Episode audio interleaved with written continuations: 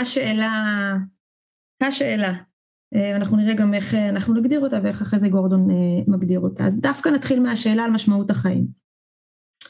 אחרי זה נדבר על גורדון ואז נחבר ביניהם. אז קודם כל זה כמעט קלישאה שאדם מחפש משמעות. המושג הזה של חיפוש משמעות הוא מושג שאנחנו הולכים איתו מאוד חזק בעולם שלנו. האדם באשר הוא אדם, ברגע שהוא עמד על דעתו ויצא מגדר תינוק, מתחיל לשאול את עצמו כל מיני שאלות. את השאלות האלה אנחנו מכנים שאלות על משמעות החיים, אבל אם נחפור רגע בדבר הזה, אנחנו נגלה שיש פה בעצם כמה שאלות שונות. ראשית, אנחנו שואלים על משמעות החיים האנושיים, כלומר, האדם, שהוא החיה המשוכללת ביותר בטבע, נולדה עם יכולות ייחודיות שאין לשאר משפחות בעלי החיים. ואז נשאלת השאלה רגע, לשם, נוצר, לשם מה נוצרנו כמין אנושי, שיש לו יכולות שאין לבעלי החיים האחר, האחרים, לאיזה תכלית? מה אנחנו כמין אנושי אמורים לעשות כאן? לאן האנושות אמורה להוביל את עצמה? ו- ומה התכלית של כל זה? בשביל מה היה צריך אה, להביא אדם לעולם? לא אני האדם הפרטי, אלא בכלל את, ה- את היצור האנושי. אה, אגב, זאת שאלה שהדתות שואלות את עצמם, והמיתולוגיות הגדולות של העולם שואלות את עצמם. אה, לשם מה האדם קיים? מתוך שאלת התכלית האנושית הכללית הזאת, עולה גם שאלת התכלית האישית האנושית שלי. לאיזה מטרה אני נמצאת כאן על פני האדמה, למה היה צריך להביא אותי לעולם, איזה מטרה יכולה להיות לחיים שלי, איזו תכלית אני אמורה לשרת באופן אישי. ומי שמכיר, יש מחלוקת אה, די מוכרת בחז"ל, שהם שואלים האם טוב לו לאדם שנוצר או טוב שלא נוצר. כאילו מה היה עדיף, שהבן אדם ייווצר או שהבן אדם לא אה, ייוולד? זה כמובן מחלוקת שהיא למעשה משחק מחשבתי, היא לא מחלוקת אמיתית, כן? הבן אדם כבר נוצר, אין פה, אין פה שאלות אה, על מה זה, אבל מאחר ואי אפשר באמת לשאול את השאלה הזאת לפני שהאדם נוצר, אז האדם שואל את עצמו את שאלת המשמעות כשהוא כבר כאן, חי, פועל, מתחנך, עושה, חושב וכולי. עכשיו, חשוב להגיד, לא כל רגע בחיים שלנו אנחנו שואלים את השאלה הזאת, זה יתקשר גם אחרי זה למה שאנחנו נראה אצל גורדון. לא כל רגע אנחנו שואלים את השאלה הזאת בקנה מידה רחב על משמעות החיים, לרוב נשאל את השאלה הזאת על פעולות המיידיות שאנחנו עושים, נגיד, בעניין שלכם, למה ללכת לקצונה, למה להישמע לפקודות, מה ללמוד, מה לעשות אחרי השירות הצבאי, מה אני אעשה כשאני אהיה גדולה אה, או גדול, השאלות האלה יותר קלות למענה, הן מיידיות, הן נורא נוגעות לחיים הפרטיים שלי, אבל בעומק שלהן, הן בעצם מחפות על השאלה הגדולה, והיא שאלת התכלית, שאלת משמעות החיים. כי השאלה נגיד אם ללכת לקצונה, היא לא רק שאלה פרקטית, היא גם שאלה של האמונות שלי, והיא שאלה על החיים שלי, והיא שאלה על מה חשוב לי בחיים, או מה חשוב אפילו יותר מהחיים שלי, שאלה על הנוחות שלי ובאיזה תנאים אני מוכנה לוותר על הנוחות שלי, אה, או על התלם שמוכר ושסללו לי. אה, וזה כמובן חוזר לשאלות, לש, לשאלת השאלות של לשם מה. לשם מה להתאמץ, לשם מה לעבוד קשה, לשם מה לקום בבוקר, לשם מה להעביר עוד יום, לשם מה באתי לעולם, ומה התכלית של כל זה. עד כאן אמרתי כמה מילים על שאלת משמעות החיים. אנחנו עוד נחזור לזה, אה, ואני עוזבת את זה רק רגע, ואנחנו נדבר רגע על אחת הדמויות המעניינות והמרגשות ביותר בעיניי שקשורות בישראליות של פעם, אבל לא פחות מזה גם בישראליות של היום. אה, אהרון דוד גורדון הוא אחד המנסחים של האני מאמין של הדור החדש שקם פה בארץ לפני 120, 100, משהו כזה, 120 שנה. הוא כתב את התקנון למושב עובדים, היה מורה דרך של חלוצי העלייה השנייה, מי הוא היה? אני אגיד עליו כמה מילים כי הוא באמת אדם מאוד מאוד ייחודי אה, וזה יעזור לנו, ההיכרות איתו קצת תעזור לנו גם אחרי זה ב... אה, בלחבר את שאלת משמעות החיים, כפי שקראתי לה שם בכותרת, לבין, אה, לבין הדמות שלו ומה הוא עשה בעולם ובארץ. אז קודם כל, מי זה אהרון דוד גורדון? אהרון דוד גורדון הוא ממנהיגי העלייה השנייה. מי שזוכר מהבגרות בהיסטוריה של עם ישראל, או מה שלמדתם בציונות, אה, העלייה השנייה זה אחת העליות הכי משפיעות על ההתהוות של הישראליות. זה האנשים שהקימו את הקיבוצים הראשונים, את המושבים הראשונים, התחילו בבנייה של ממש דור חדש. אה, וחלוצי העלייה השנייה היו כולם צעירים מאוד, אני חושבת שהממוצע הממוצע של הגילאים שלהם היה פחות מ-20, בסדר? זה חבר'ה בגיל שלכם ודרומה. הם עזבו את העולם היהודי הישן במזרח אירופה, שהיה עולם של קהילה יהודית מסורתית, אה, כפי שאתם מדמיינים את זה, אה, מראה חרדי, זה לא בדיוק החרדיות של היום, אבל אה, עולם מסורתי מאוד, טבול בתוך עולם ההלכה, רבנות, חסידות, לא משנה, גם ליטאיות וזה, ישיבות, רובם הגיעו, הפכו בנעורים שלהם להיות סוציאליסטים מאוד מאוד אדוקים, ומתוך הסוציאליזם שלהם הבינו שהמקום הכי הכי טוב ונוח לממש את הרעיונות הסוציאליסטיים יהיה בארץ חדשה. הם ידעו עד כמה יהיה קשה ליהודים בתוך אירופה להיות, אה, להניע באמת מהלכים סוציאליסטיים אמיתיים, והיה להם פתאום פתרון גאוני, נעבור לארץ חדשה ונעשה שם אה, מעשים סוציאליסטיים. אני אגיד שלא פחות ממה שהם היו ציונים, הם היו סוציאליסטים, ו- והיו תנועות אפילו בתוכם שהיו יותר סוציאליסטים מציונים, בצורה מובהקת ונאמרת ו- וכולי. ואז לחבורה הזאת של חבר'ה צעירים סוציאליסטים מהפכנים שעזבו את העולם הישן, מצטרף אדם מבוגר. כשהוא עולה לארץ הוא בגיל 48 בשנת 1904, והוא עולה יחד איתם ומצטרף אליהם, עוזב בית, אישה, ילדים, מקצוע, אה, ומתחיל פה חיים חדשים לגמרי. אה, אגב, עובדה מעניינת לגבי גורדון, זה שהוא לא ממש היה מנהיג לפני שהוא עלה לארץ, הוא היה מין, בהתחלה היה פקיד, הנהלת חשבונות כזה אצל איזה אחוזה של איזה פריץ, אה, הוא היה קצת מלמד אה, תינוקות באזור שבו הוא חי, אבל הוא לא היה מנהיג גדול. בניגוד אגב להרבה מנהיגי הציונות שהתחילו לפעול בגולה, בסדר, אנחנו מכירים את הרצל ונורדו ואחד העם וזה, הם התחילו כבר את הפעולה הציונית שלהם שמה, וגורדון במובן הזה הוא חלוץ אה, ורק פה הוא מתחיל את המנהיגות שלו בצורה משמעותית וגם אגב את היצירה הרוחנית שלו. הרוחנית פילוסופית הוא מתחיל כאן בארץ, הוא כמעט לא כותב שום דבר בחוץ לארץ ורק ההגעה שלו לכאן כמו איזה מעיין נובע מתחילה לנבוע כשהוא פה בארץ ישראל. הוא עוף קצת מוזר בקומונות של צעירי העלייה השנייה, אה, פתאום זקן בן 48 הוא יותר מפי שניים מה, מהאנשים שנמצאים סביבו והוא מצטרף אליהם לקומונות וחי איתם באוהלים וחי איתם ממש את החיים כמו שהם. אבל מבחינתו זה החיים שבהם הוא בחר כשהוא עזב את, אה, את העולם הישן באוקראינה. אבל בנוסף, בניגוד לצעירים שבעטו ועזבו את העולם הישן, גורדון אומר על עצמו, אני, אני יהודי מהעולם הישן. בניגוד לאלה שבעטו, בניגוד לצעירים. הוא ממשיך להגיד על עצמו, אגב זה מופיע בכתבים שלו לא מעט, אני יהודי מהעולם הישן. כלומר יהודי שאוהב מאוד את המסורת של האבות ומחובר אליה ולא נרתע ממנה ומרגיש שלמסורת האבות ומסורת היהודית, אה, גם הגלותית, יש המון המון רלוונטיות גם ליהוד, ליהודי המתחדש בארץ ישראל בזמנו. הוא לא בדיוק עונה להגדרה יהודי דתי או חילוני במושגים שלנו היום, אה, והוא בדיוק מה שהוא מגדיר את עצמו, יהודי מהדור הישן, יהודי חם, אוהב, אה, הסיפורים שלו הם סיפורי המקרא והאגדה וסיפורי חסידים, זה הגיבורים שלו, הוא גאה בהם, הוא אוהב אותם, הוא לומד אותם, הוא לא מרגיש צורך לבעוט בהם, הם לגמרי מעשירים את מי שהוא היום. אה, השפה העברית אהובה עליו, לא רק בגלל התחדשותה, אלא גם בגלל שהיא עוצרת בחובה את כל היופי וכל הסנטימנט וכל האסוציאציות, אה, וכל משפט עברי שהוא כותב מבחינתו מתקשר לכתבי הקודש היהודיים, וזה, וזה גם נורא עולה חזק מתוך, מתוך הכתבים שלו. עכשיו, הפילוסופיה של גורדון היא מאוד מאוד מורכבת ומאוד עמוקה, ויש שיגידו שהיא אוטופית לגמרי, אה, והאמונה שלו באדם היא, היא, היא אפילו תמימה, על אף שהוא בן אדם מבוגר שכבר עבר לא מעט בחיים, יש בו איזו אמונה באדם מאוד מאוד חזקה. הוא פציפיסט, נרתע מכל שימוש בכוח, יש לו ממש אה, מאמרים קשים שנאמרים כנגד אה, ענייני הצבא, שוב, הוא נפטר ב-1922, אז כאילו, הוא, הוא ראה את הצהרת בלפור, אבל שום דבר שקשור במדינה שבדרך הוא לא היה, והיה לו קושי גדול עם, עם, עם ה, כל מה שקשור להגנה ולשמירה ולשימוש בנשק ובכוח אה, בארץ ישראל בראשית אה, הציונות פה, כשהוא היה עוד בארץ בשנות ה-10 וה-20. הוא אנרכיסט, אמ, לא במובן שאנחנו אולי מכירים היום, הוא אנרכיסט במובן האמיתי של המושג, כלומר זה בן אדם שנורא נורא חושש ממסגרת, ממסגרות באשר הם, כי הוא חושב שביסוד המסגרת פוגעת בתוכן, בפנים, בעומק של הדבר. כלומר, אנחנו הרבה פעמים אה, מקדשים או מתאהבים במסגרת, ושוכחים למה המסגרת הזאת משמשת, לאיזה ערכים, תכנים, רעיונות נשגבים, אני אתן לכם דוגמה למשל את הצבא.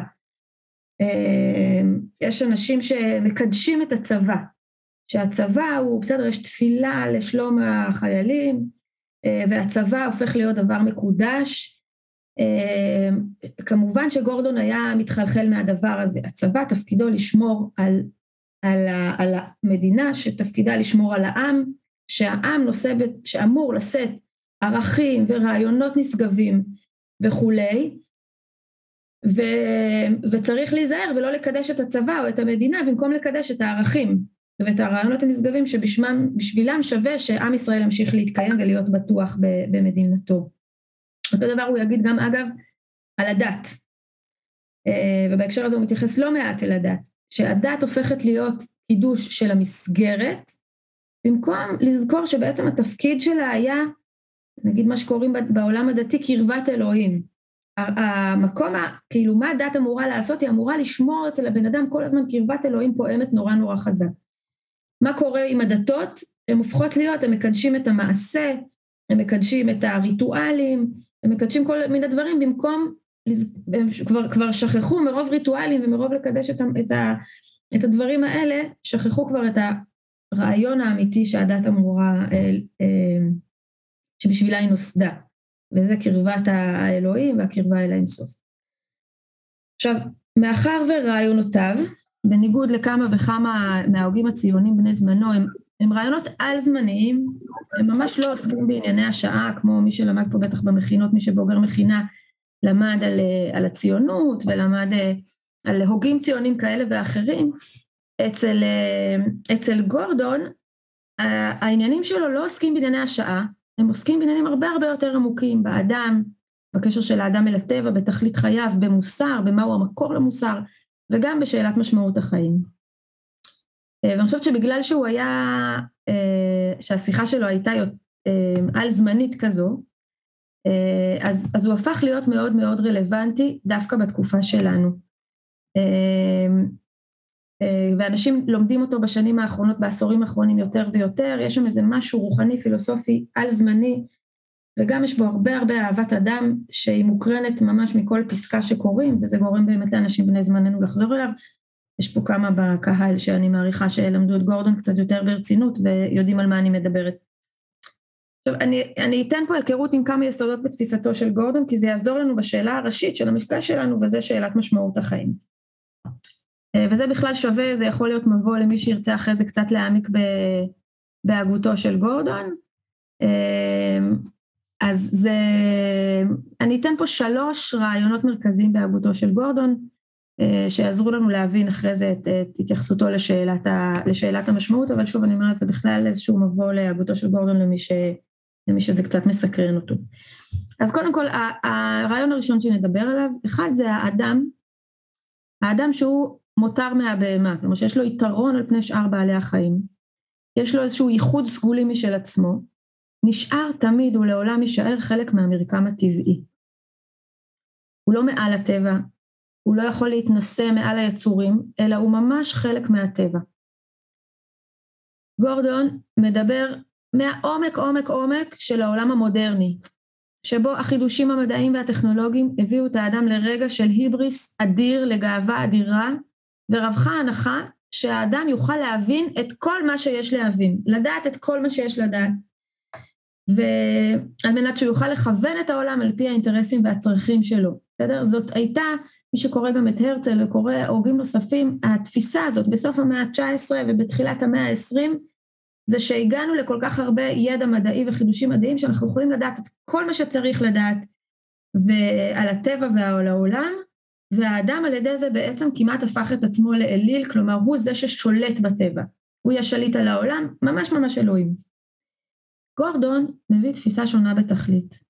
שהיא ביקורת על החברה המודרנית של המאה ה-19 והמאה ה-20 ואומר לא, האדם אינו שליט על הטבע, האדם הוא חלק מהטבע. יש גבול לידיעת האדם ולהשגת האדם את העולם, ולא רק שיש גבול, האדם חייב לחיות מתוך הבנה עמוקה, שהיא הבנה גם בראש אבל גם ברגש, שהוא חלק מהעולם הטבעי, שהוא חלק ממארג שלם, והוא לעולם לא יוכל לתפוס את הכל, להבין את הכל, ובוודאי שאסור לו לשלוט בהכל. עכשיו סתם תדמיינו איך לומדים את מארג האקולוגי בטבע, נכון? יש איזה מין פירמידה כזאת, לא יודעת ככה לימדו בתקופה שאני למדתי, יכול להיות שאתם כבר למדתם דברים יותר אינטליגנטיים, אבל יש איזה מארג אה, כזה, יש כל מיני יצורים, למעלה יש טורף על, והאדם, לפחות בחלק מהפירמידות האקולוגיות, האדם הוא מחוץ למערכת הזאת. כאילו האדם הוא, הוא, הוא מחוץ לדבר הזה. אז כמובן שגורדון יתנגד מאוד להצגה הזאת של המארג האקולוגי ויגיד שהאדם הוא חלק מהמארג, הוא בתוכו, הוא לא משקיף עליו מבחוץ, אלא הוא חלק מזה. עכשיו שוב, בעולם שלנו היום שבו אנחנו קצת מבינים יותר ואנחנו סובלים יותר מאותו היבריס והמחשבה שהאדם יוכל לשלוט בעולם, אנחנו רואים את התוצאות הסביבתיות הנוראיות של הדבר הזה, אנחנו כבר לא תמימים לגבי הדבר הזה, אבל גורדון היה אחד הראשונים, מי שמכיר את הנרי טורו ואת ברקסון, שזה עוד פילוסופים אחרים מעולמות אה, אה, אירופאים ואמריקאים, שמדברים מאוד דומה לגורדון, הם לא הכירו אחד את השני, אבל אנשים שהם ממש בראשית, ה, בראשית הדרך כבר בתחילת המאה ה-20 ידעו להגיד שהתפיסות המודרניות האלה, התפיסות המודרניסטיות, הן יכולות להוות אה, סכנה אדירה אה, לקיום הטבעי ולחיבור של האדם אל הטבע ועוולות סביבתיות וכל מה שאנחנו אה, מכירים מהיום.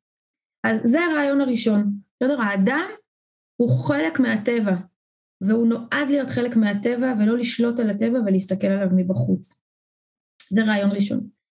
הרעיון השני, ועוד מעט אתם תראו איך הרעיונות האלה גם מתחברים אחד לשני, uh, הרעיון השני הוא כזה, המודרנה מבוססת, עכשיו תחזיקו ראש, זה טיפה פילוסופיה, אבל אתם מסוגלים, שעת בוקר עדיין, לא צהריים.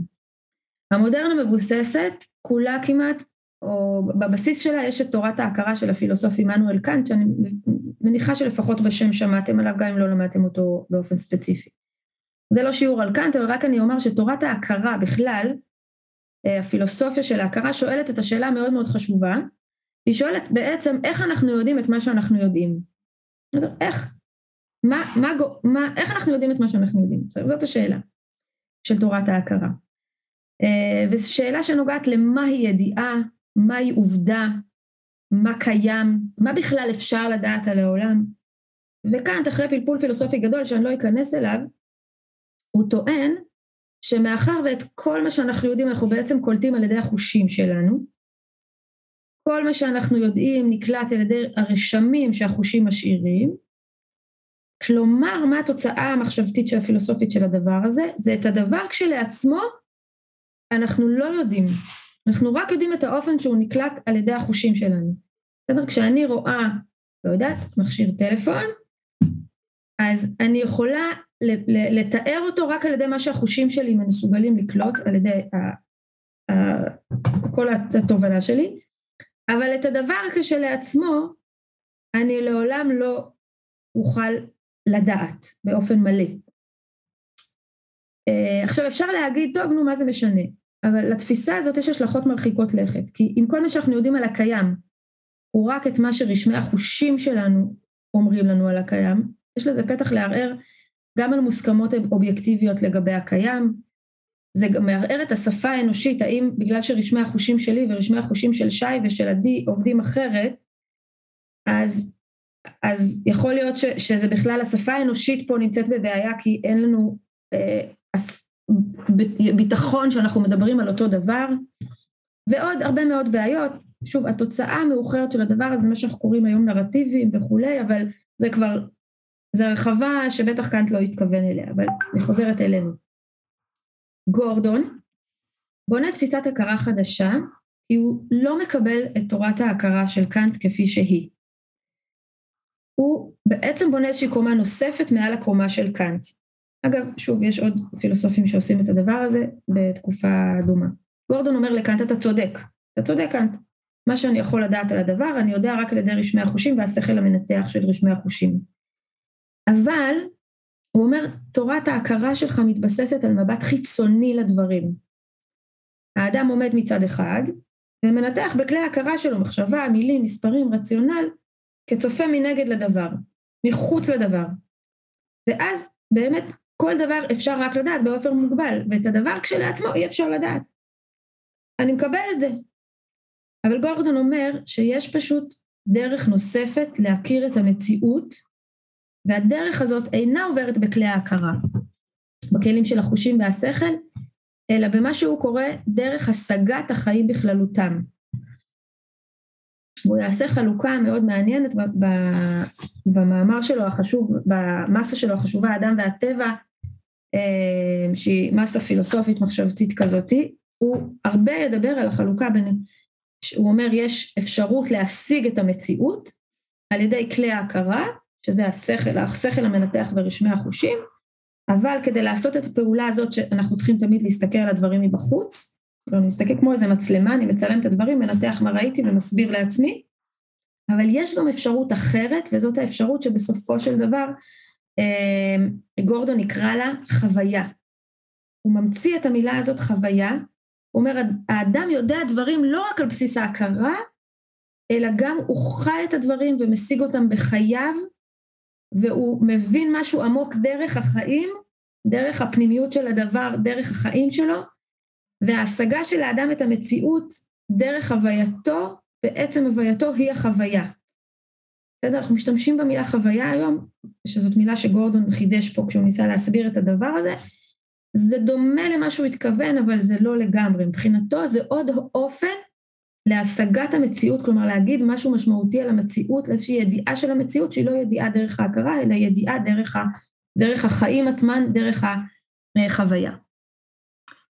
אה, עכשיו זה היה הרעיון השני, בסדר? ההגדרה של, ה, של, ה, של תורת ההכרה החדשה של גורדון, שמתעסק, שאומרת אפשר לדעת או צריך להכיר את המציאות לא רק דרך ההכרה, אלא גם דרך החוויה.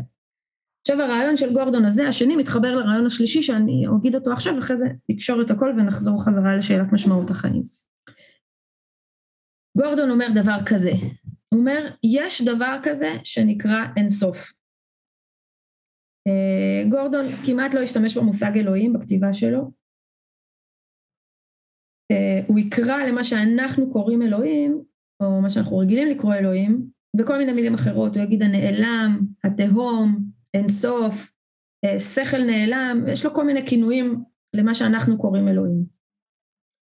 גורדון מאמין שיש בעולם הרבה מעל להשגתו והכרתו של האדם. כלומר, האדם לעולם יהיה מוגבל ביכולת שלו לדעת, וגם כשהוא ידע, תמיד על גבי מה שהוא ידע יש את מה שהוא לעולם לעולם לא ידע. והמציאות הזאת, הידע שהוא לעולם לא ישיג היא מציאות אינסופית ויש לה איזשהו היגיון פנימי, שאת ההיגיון הפנימי הזה, את השכל הנעלם הזה, האדם לעולם לא יוכל להשיג. הטבע עבור גורדון הוא הביטוי המוחש ביותר לאינסופיות. בסדר? כשאתה שואל את עצמך, זה, זה לא פנתאיזם של, של שפינוזה מי שמכיר, אבל איפה אני אגלה, איפה אני ארגיש, איפה אני אחוש דרך החיים שלי את, את האפשרות הזאת לאינסוף? דרך הטבע. בטבע מתגלה, מתגלה הגיוון אה, הכי הכי גדול שיש בו אינסופיות, יש שם אפשרות לקיום מקביל של הפכים, קוראים בו בכל רגע נתון אינסוף דברים, אפילו אם נעצור רגע אחד בודד, אפילו אותו בלבד אי אפשר לתאר, כי קוראים בו כל כך הרבה אינסוף דברים. גם המחשב המשוכלל ביותר לא יוכל לעולם לתאר את מה שקורה ברגע נתון אחד בטבע. גורדון יגיד שהאדם הפשוט, הפרימיטיבי, זה שהיה מחובר באופן טבעי מאוד אל הטבע, אה, ידע להרגיש את האינסופיות הזאתי.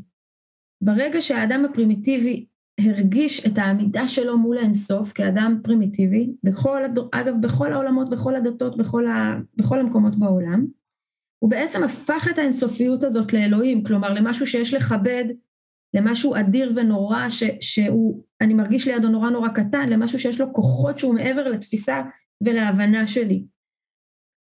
וגורדון אה, חושב ש, שכדאי שנייה לחזור לתוך ה, קצת משהו מהפרימיטיביות הזאת כדי להבין את מה הטבע באמת הוא לאדם.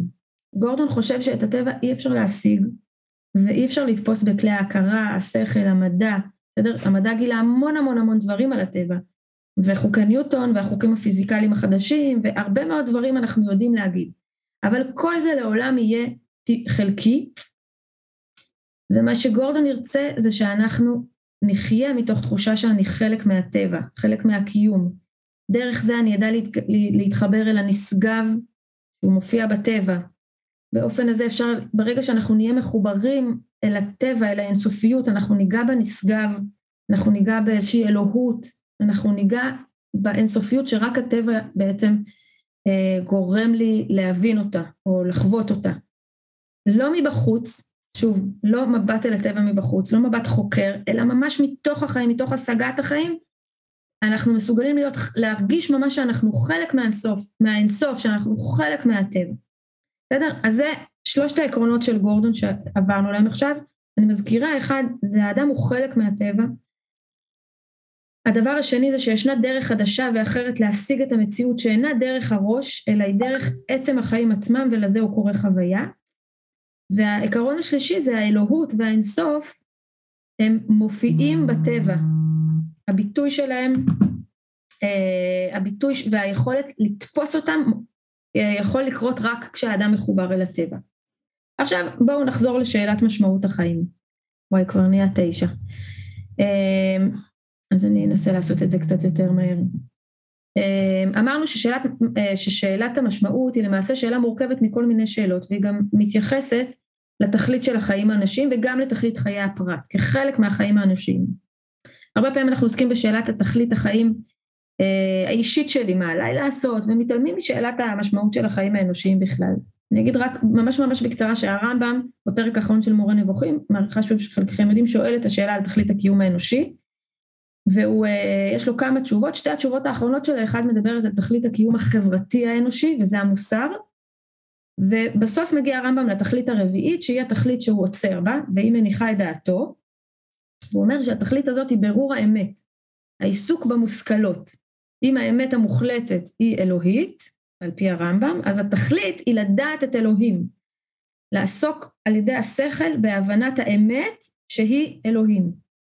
כמובן, על פי מה שלמדנו מקודם אצל גורדון, לא יכול להסתפק בתכלית של רמב"ם, כי הוא חושב שההכרה, היכולת השכלית, לדעת את האמת היא מוגבלת ואי אפשר דרכה לדעת את האמת.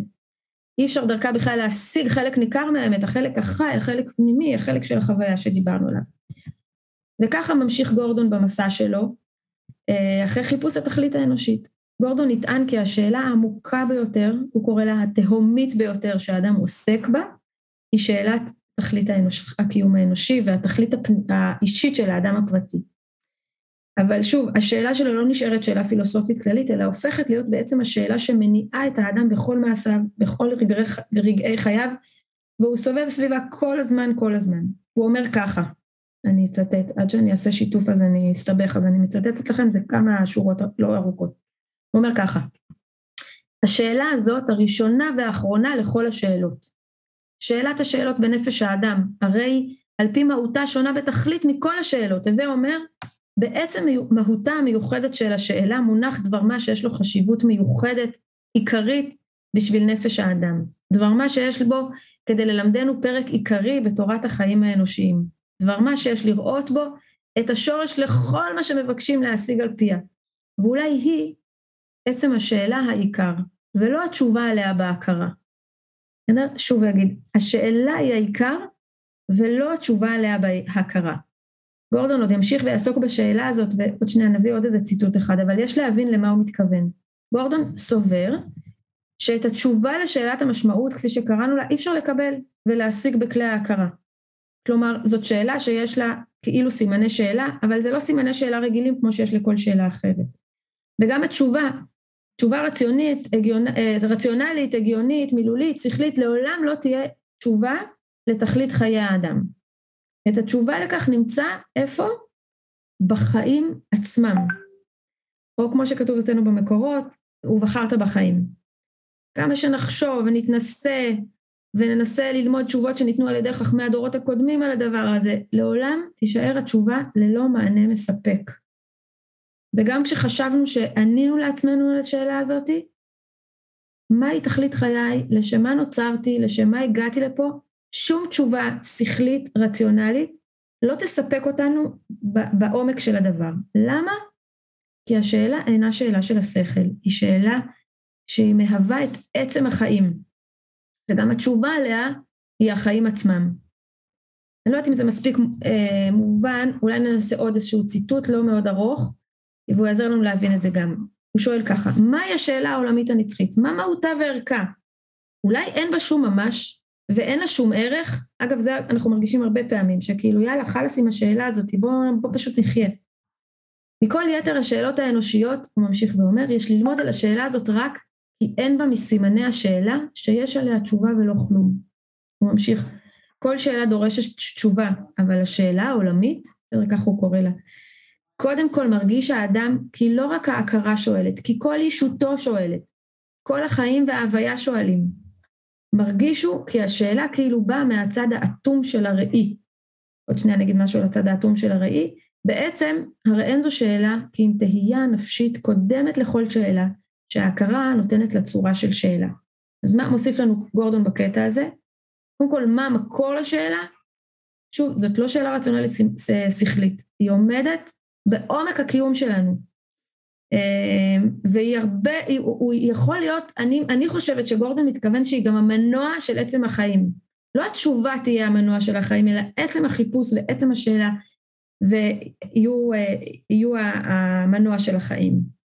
עצם השאלה הוא עצם החיים. אמ, רק, אני אגיד כמה מילים רק על הצד האטום לפני שאני מסיימת.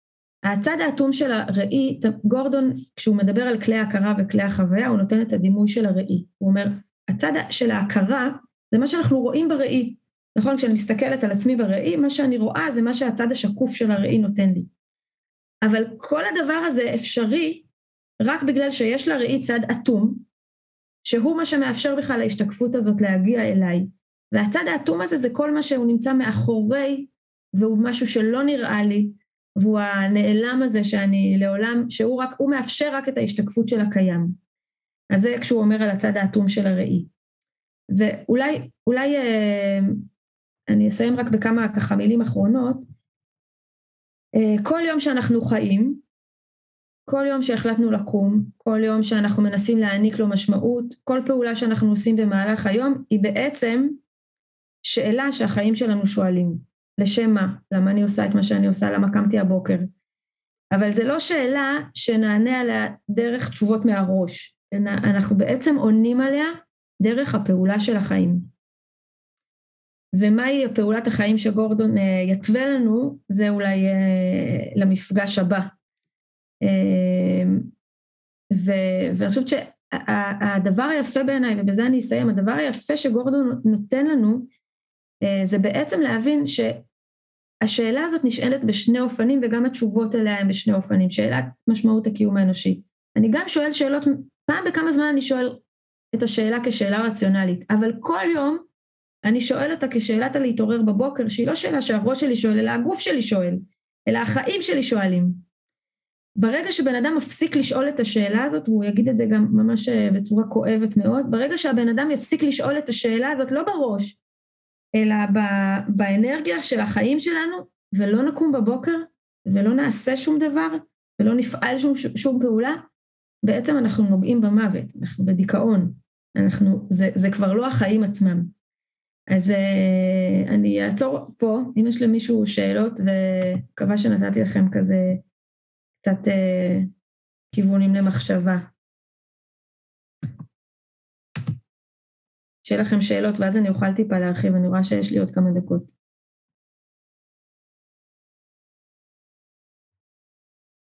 אם אין לכם שאלות אז אני אתן לכם כבר אה, התחלה של המתכון של אה, גורדון למהי פעולת החיים ש... אה, שאליה הוא מתכוון. כן, נמשיך עוד טיפה שי? כן? איך זה מתקשר לצפ... לספר של ויקטור פרנקל? אז קודם כל ויקטור פרנקל כמובן ש... ש... שגורדון לא הכיר אותו. פרנקל כותב את התובנות המרכזיות שלו, קודם כל גורדון מאוד רחוק מהעולם של הפסיכולוגיה, אה, יש לו אפילו ביקורת קצת על הפסיכולוגיה, אה, וגם היא מאוד מאוד בחיתוליה כשהוא אה, אדם מבוגר, והוא לא הכיר את פרנקל. אני חושבת ששוב, בסוף המענים שלהם הם מענים דומים, אבל הם לא נובעים כאילו מאותם עולמות ולא באים מאותם, מאותם כיוונים. אמ, אז אני אגיד כמה מילים, ממש זה, זה רק יהיה לכם בשביל כיוון למחשבה. כש, כשגורדון אומר בעצם, בעצם החיים שלנו, זה כאילו החיים שלנו הם המענה לתשובת משמעות החיים. מה אני עושה? בסדר? קמתם בבוקר והלכתם לצבא? כנראה שיש לזה משמעות בחיים שלכם וזה נותן לכם תחושת תכלית מסוימת. ולא הכל צריך לעבור דרך הראש והפעולות שלנו, הבחירה שלנו בחיים עצמם, בפעולות עצמם שאנחנו בוחרים בהם, זה המענה לשאלת משמעות החיים. אבל לגורדון כמובן שיש גם, הוא רוצה לכוון אותנו לדרך חיים מסוימת, בסדר? הוא הוגה דעות, יהודי, ציוני, עם הרבה הרבה קשר למסורת האבות ולמורשת של, של היהדות, ו, ועם רצון אדיר שאנחנו נרגיש חלק מהטבע, כמו שאמרנו. אז הוא נותן לנו כבר מתכון, והוא בעצם אומר, יש שתי אפשרויות לחיים. אני אומרת את זה על קצה המזלג, זה קצת מורכב, אבל אני אגיד את זה בכל זאת. יש שתי אפשרויות לקיום אנושי. אחד הוא יקרא לו חיים של התפשטות, והשני הוא יקרא לו חיים של צמצום. חיים של התפשטות זה חיים שבו האדם הופך להיות אדם יוצר, כלומר הוא בא אל העולם כדי להיות שותף יוצר בתוך העולם. הוא מצטרף למה שאנחנו קוראים ביהדות מעשה בראשית. אני לא באה לפה ולעולם זה לא משנה אם אני פה או לא פה, אלא אני עושה איזושהי פעולה שה, שהפנימיות שלי יוצאת החוצה ויש לה השפעה על העולם, והשיא של הדבר הזה תהיה יצירה, והדוגמה האולטימטיבית למה יצירה אנושית תהיה, אה, תהיה לידה, אבל לידה לא רק ביולוגית, זה רק הדוגמה, אלא יצירה, אומנות, חקלאות, לעשות פה משהו שלא היה לפני זה, שהוא נובע מתוך הפנימיות שלי ושהוא משתלב בתוך המארג של החיים הטבעיים, זה המטרה שלשמה בעיניו, אלה החיים שהם חיים של התפשטות. חיים שאנחנו בהם משפיעים על העולם, שאנחנו הופכים, שאנחנו גדלים יחד עם העולם, שאנחנו מוסיפים טוב אל העולם. בניגוד לזה יש חיים שהם חיים שהוא קרא להם חיים של צמצום. חיים של צמצום זה חיים שעוברים רק דרך ההכרה, רק מה שהגיוני לי, רציונלי לי וכולי, זה מה שקיים, וזה חיים שבהם אני לוקח אל עצמי הרבה יותר ממה שאני נותן החוצה, אה, וזה חיים של צמצום, אומר, זה כמו צו המתכסה בשריונו. אני כל הזמן עסוק כאילו רק ב- בלהסתגר פנימה בתוך השריון במקום, במקום לצאת החוצה, במקום להשפיע, במקום ללכת, במקום להיות חלק מה, מהמארג הטבעי, חלק שמוסיף ותורם. זה קצת אה, כיוון, שוב, זה, זה עולם שלם, הוא ידבר על יצירה של צמצום ויצירה של התפשטות, ועל יופי של צמצום ויופי של התפשטות, ועל אהבה של צמצום ואהבה של התפשטות. אה, אז נתתי לכם את זה רק ממש בקוד, ואתם אה, יותר ממוזמנים לפתוח את הספר הזה, עם פרצוף היפה של גורדון, יש פה כמה שמכירים מקרוב. ובאמת שוב זה לא קל אבל, אבל זה אה, לימוד מאוד מאוד מאוד מתגמל בעיניי ואני תמיד אומרת לחניכים במדרשה, אני אומרת להם, אה, מי שרוצה שהחיים שלו יהיו טובים יותר, שיבוא ללמוד איתי בשש וחצי בבוקר את גורדון. אז אה, זהו, עוד שאלות, משהו? לא? יאללה, שיהיה לכם שבוע טוב, תשמרו עלינו. אה, ובאמת מוזמנים בימי חמישי, מתי שאתם רוצים, למדרשה בעין פרת, ונשמח בכל אחד ואחת, ובכל מבקר ומבקרת. יאללה, שבוע טוב. שירה, תודה רבה רבה. ליזית, ממש קשה עכשיו לחזור וללמוד ולהעמיק. איזה כיף שיש שאלות ולהתעסק בהן. כן, כן. יאללה, אבל אתם בעשייה. העשייה שלכם היא התשובה לשאלת המשמעות, באמת. יאללה, שיהיה שבוע טוב. תודה רבה. שבוע טוב, תודה רבה.